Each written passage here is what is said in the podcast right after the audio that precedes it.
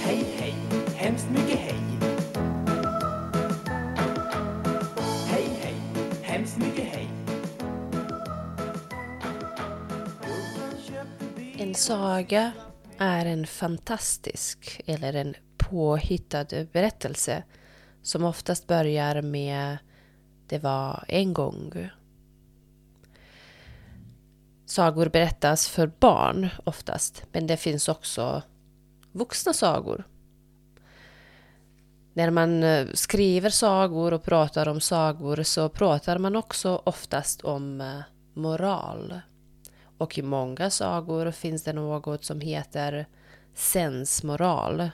Alltså någonting eh, som vi kan lära oss utifrån det som vi har läst. Eller något budskap.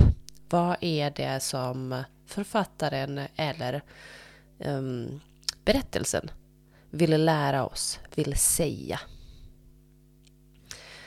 En och samma saga kan förekomma i många olika länder. I kanske lite olika variationer beroende på språk, land, traditioner och så vidare. Oftast finns det eh, prinsar och prinsessor i sagor. De är vanliga. Men också fattiga människor, fattiga barn förekommer oftast i olika sagor. Och inte sällan eh, kungar och drottningar också. Det finns många kända sagor i världen.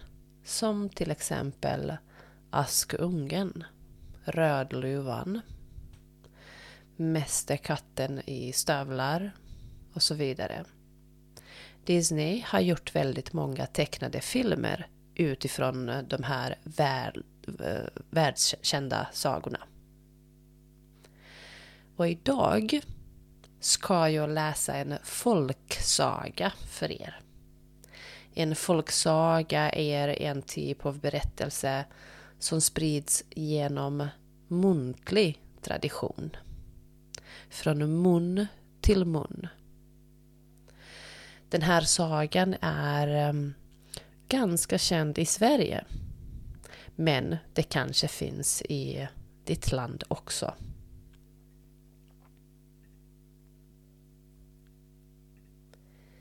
Den kloka torpardottern. Det var en gång en fattig torpare som bodde ensam med sin dotter. En dag när han var ute på åkern och arbetade hittade han en mortel av rent guld. Men själva mortelstöten, den fattades. Han tog med sig morten hem, visade den för dottern och sa att han skulle gå till slottet och ge den till kungen eftersom det var hans åker. Dottern, som var klokare än de flesta, rådde honom emellertid att låta bli eftersom han inte hade stöten med sig. Men torparen lyssnade inte på hennes råd utan begav sig till kungen som genast trodde att torparen behållit stöten för egen del och därför förpassade honom till en mörk håla dit varken sol eller månljus kunde nå. Nu ångrade torparen att han inte följt dotterns råd och han klagade så högljutt över sin olycka att vakten hörde det och gick till kungen och talade om vad han hört. Kungen ville då genast pröva om torpardottern verkligen var så klok som fadern påstod. Han lät därför hälsa henne att hon kunde rädda sin far från fängelsestraffet om hon klarade av att utföra en uppgift som han skulle förelägga henne. Den gick ut på att hon skulle komma till slottet, men inte på dagen och inte på natten. Varken åkandes eller gåendes, varken på vägen eller bredvid den, varken klädd eller oklädd och inte hungrig, men heller inte mätt. Dottern löste uppgiften genom att stiga upp i gryningen, äta liten lök och sedan klä sig i ett fisknät. Hon band fast nätet vid hornen på en oxe och lät honom släpa henne i hjulspåren på vägen. Kungen blev så förtjust över hennes påhittighet att han släppte ut fadern ur fängelsehålan och sedan gifte han sig med den kloka dottern. En tid därefter kom två bönder körande till slottet med varsitt lass säd. Den ene körde med oxar, den andra med hästar. Medan de stod där och väntade på att deras lass skulle tas om hand fick den ene bondes häst ett föl som dock lämnade hästen och gick och la sig vid sidan av en av oxarna. När bönderna fick syn på fölet började de bråka om vem som ägde det.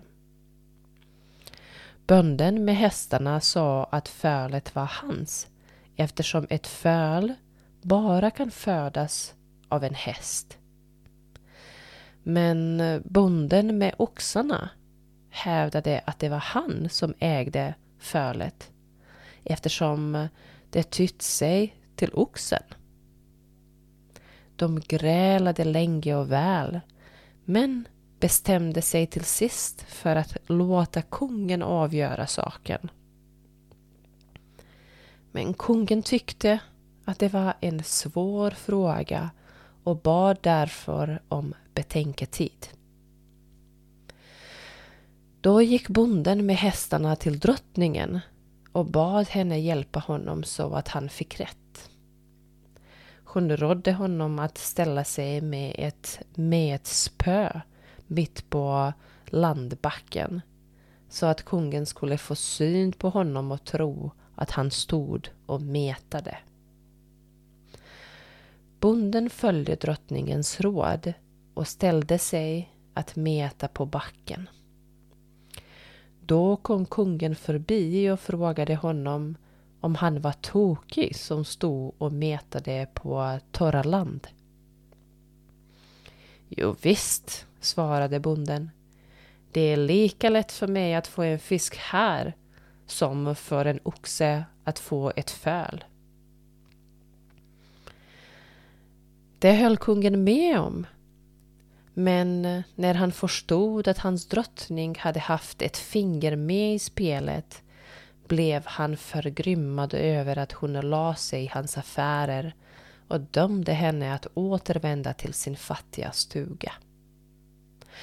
Men han lovade henne att hon skulle få ta med sig det käraste hon ägde i slottet som minne. Så var det dags att dricka avskedsskålen. Men drottningen hade blandat till en eh, så stark sömndryck åt kungen att han genast föll i sömn med bägaren i handen. Då tog hon honom på ryggen och bar honom till sin stuga. Och när kungen vaknade och visste han inte var han befann sig. Han blev rädd och skrek högt. Var är jag? Var är jag? Då steg torpardottern fram, föll på knä framför honom och sa Min käre kung, du lovade mig att jag skulle få ta med mig det käraste jag ägde. Och eftersom det är du som är min käraste ägodel så har jag tagit dig med mig till mitt enkla hem. Hennes svar rörde kungen till tårar Och han blev så tagen av sin hustrus stora klokhet att han tog henne i famn och med glädje förde han henne tillbaka till slottet. Och där lever de lyckliga än idag. Det var allt som den här sagan handlar om. Finns det kanske något liknande i ditt språk, i ditt hemland? Skriv gärna till oss. Ha det fint!